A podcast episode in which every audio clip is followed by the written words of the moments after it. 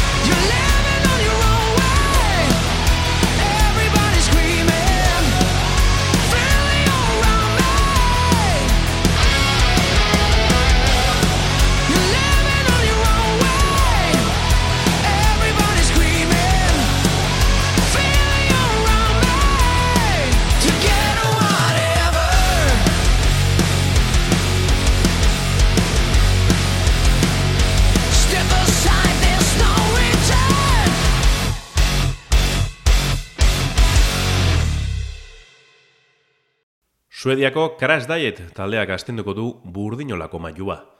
Sortzailearen presentzia ez ezik, esentzia ere mantendu dute esliz, hard eta glam metal doinuak bizi berrituta. Automaton, lan freskagarriak, laukotearen oraina eta errepasatuko dugun iragan hurbila omentzen ditu. Together Whatever abestiarekin hasi dugu programa. Dave Leppard musikari gazteak sortu zuen Crash Diet banda 2000 garren urte inguruan Suediako Estokolmo irian. Bi urte beranduako eta hiru maketa grabatuta banandu egin ziren. Lepardek ordea, bere ala berrabiarazi zuen taldea Martin Sweet gitaristarekin eta Peter London basu jotzailearekin. Gutxira, laukotea osatu zuten Eric Young bateriarekin. 2000 eta iruan, taldearen izen bereko lan laburra kaleratu eta Universal Records multinazionalarekin sinatu zuten. Aurreneko emaitza, 2000 eta bosteko Rest in Sliss estraineko iraupen luzeko diskoa izan zen. Una hemen, Riot in Everyone.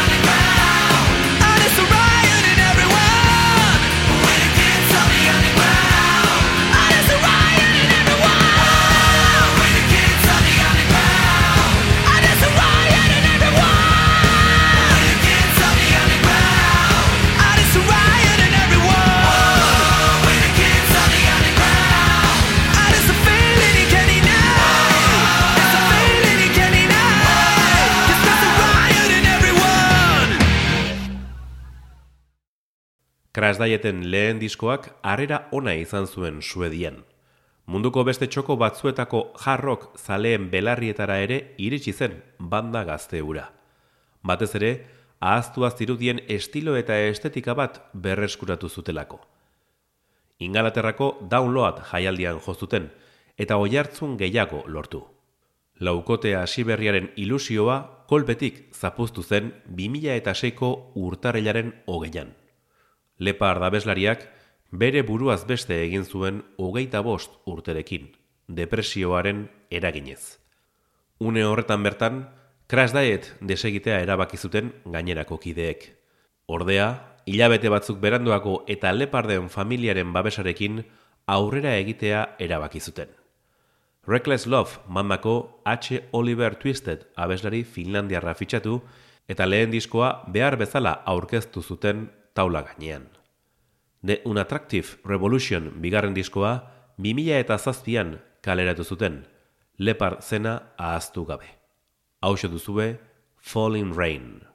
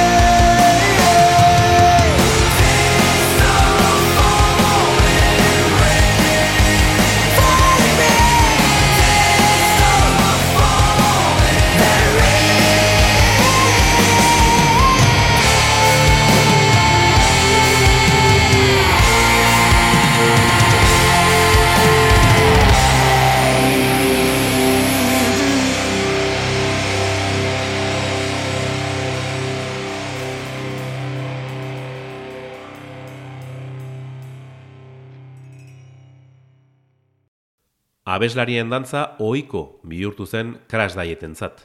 Sortzailea ordezkatzea etzen bat ere erraza.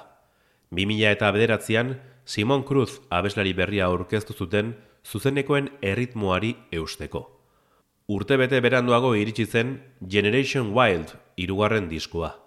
Marka da gero, abeslari desberdin bat izatea lan bakoitzeko.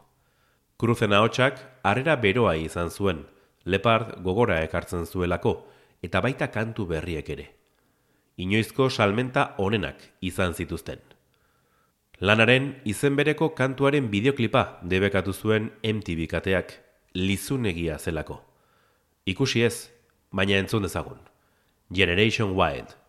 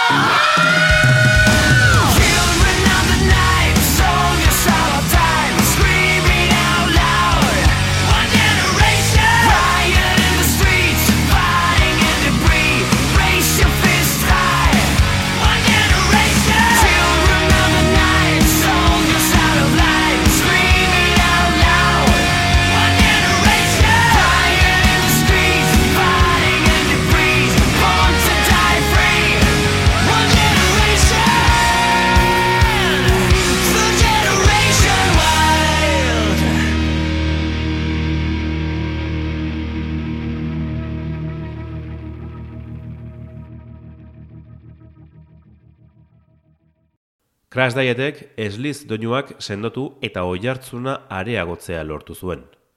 Europa txiki geratu zitzaiela pentsatu zuten, eta 2008ko The Savage Playground laugarren lanarekin muga gehiago birrintzearen alde agertu ziren. Horrela, Ameriketako estatu batuetan bira garrantzitsu bat egin zuten, eta horreneko aldiz, Japoniako zaleengana hurbildu ziren. Hain zuzen ere, 2000 eta amabostean han zirela, Cruz abeslariak taldea uztea erabaki zuen. Gainerako kideek aurrera egingo zutela adierazi zuten. Hau duzue Snakes in Paradise.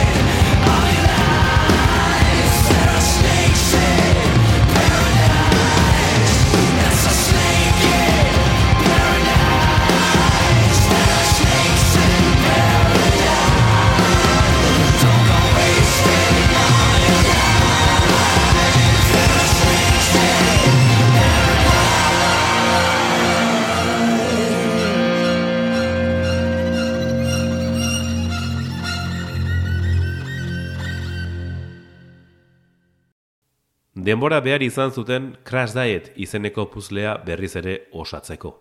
Azkenik, 2000 eta amazazpian aurkeztu zuten Gabriel Keyes abeslari berria, eta haren ahotsa ezagutzeko single batzuk kaleratu zituzten.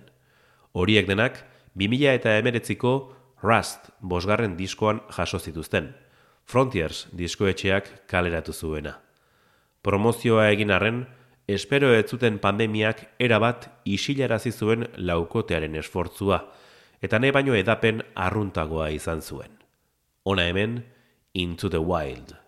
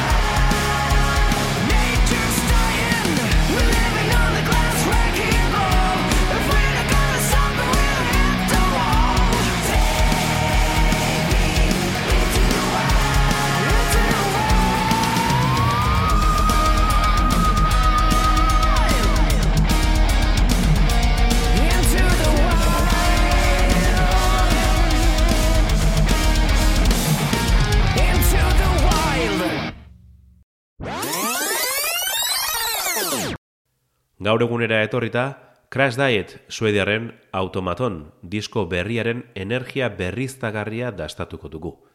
Egia esan, haize freskoaren parekoa da kantu bilduma. Garai bateko esliz zein glam metala gaur egunera ekartzeko modu egokiena topatu dute beste behin ere.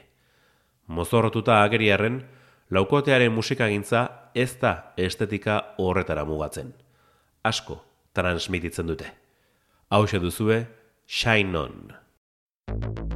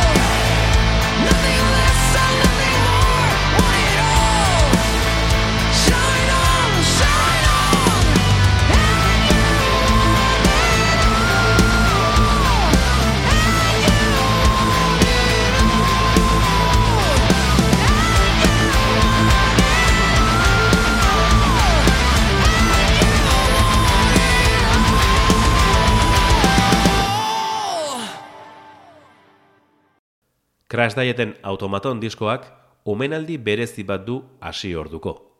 Une batez, Leopard abeslari eta sortzailea ilezkor bihurtu dute, arena hotxa lanaren sarrera gisa erabilita. Bere presentzia, Sweet, London eta Young jatorrizko musikariek mantendu dute, eta horrela izango da benetan uzten duten arte. Bide batez, Keyes abeslariarekin grabatu duten bigarren lana da, eta zaleak oso gustura daude bere ekarpenarekin. Ona hemen, Dead Crusade.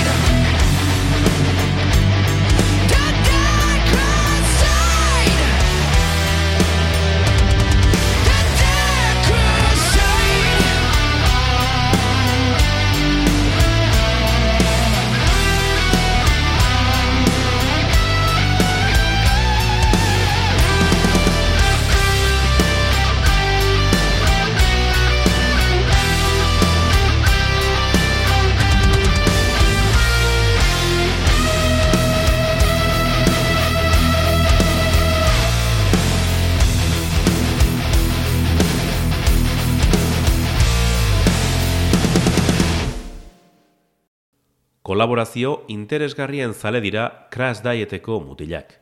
Aipatu ez badugu ere, Motley Crue taldeko Mick Mars gitaristak parte hartu zuen bigarren diskoan.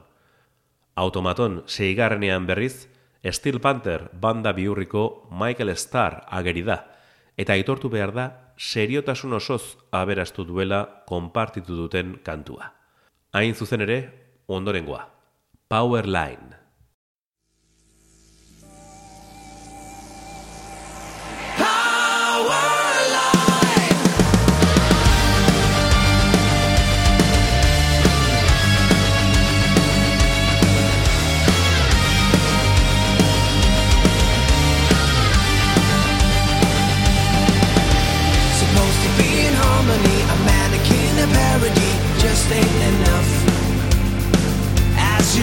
through the night and the fading moonlight. Live the crime of fantasy, no matter what it means to me, as we descend to another place in mysterious ways.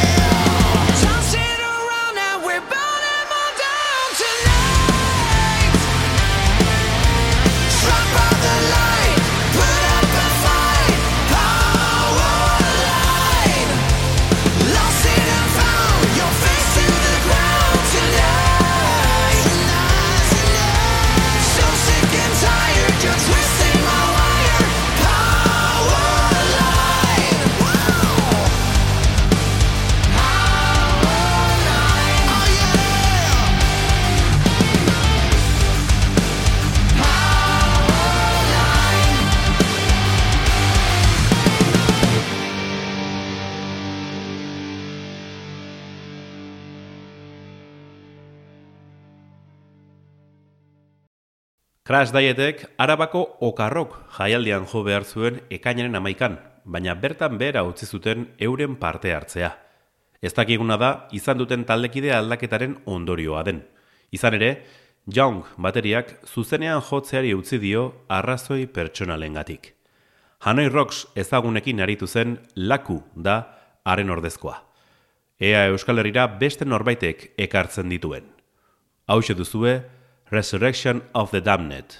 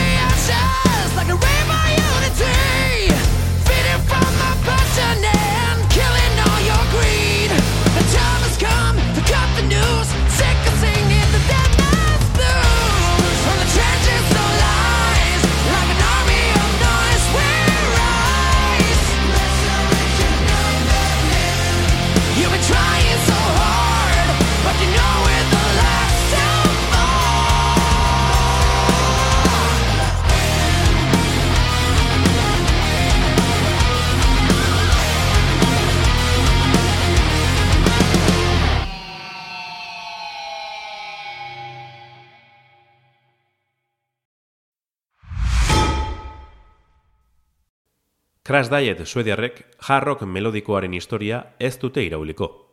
Alere, esliz doinuak eguneratu zituzten hautsa behar bezala kenduta. Automaton diskoak laukotearen energia bizia gordetzen du bere baitan. Hori bera askatzeko, play sakatu behar da. Saioa bukatzeko, lan berritik, We Die Hard abestia hautatu dugu. Urrengora arte, metalzale.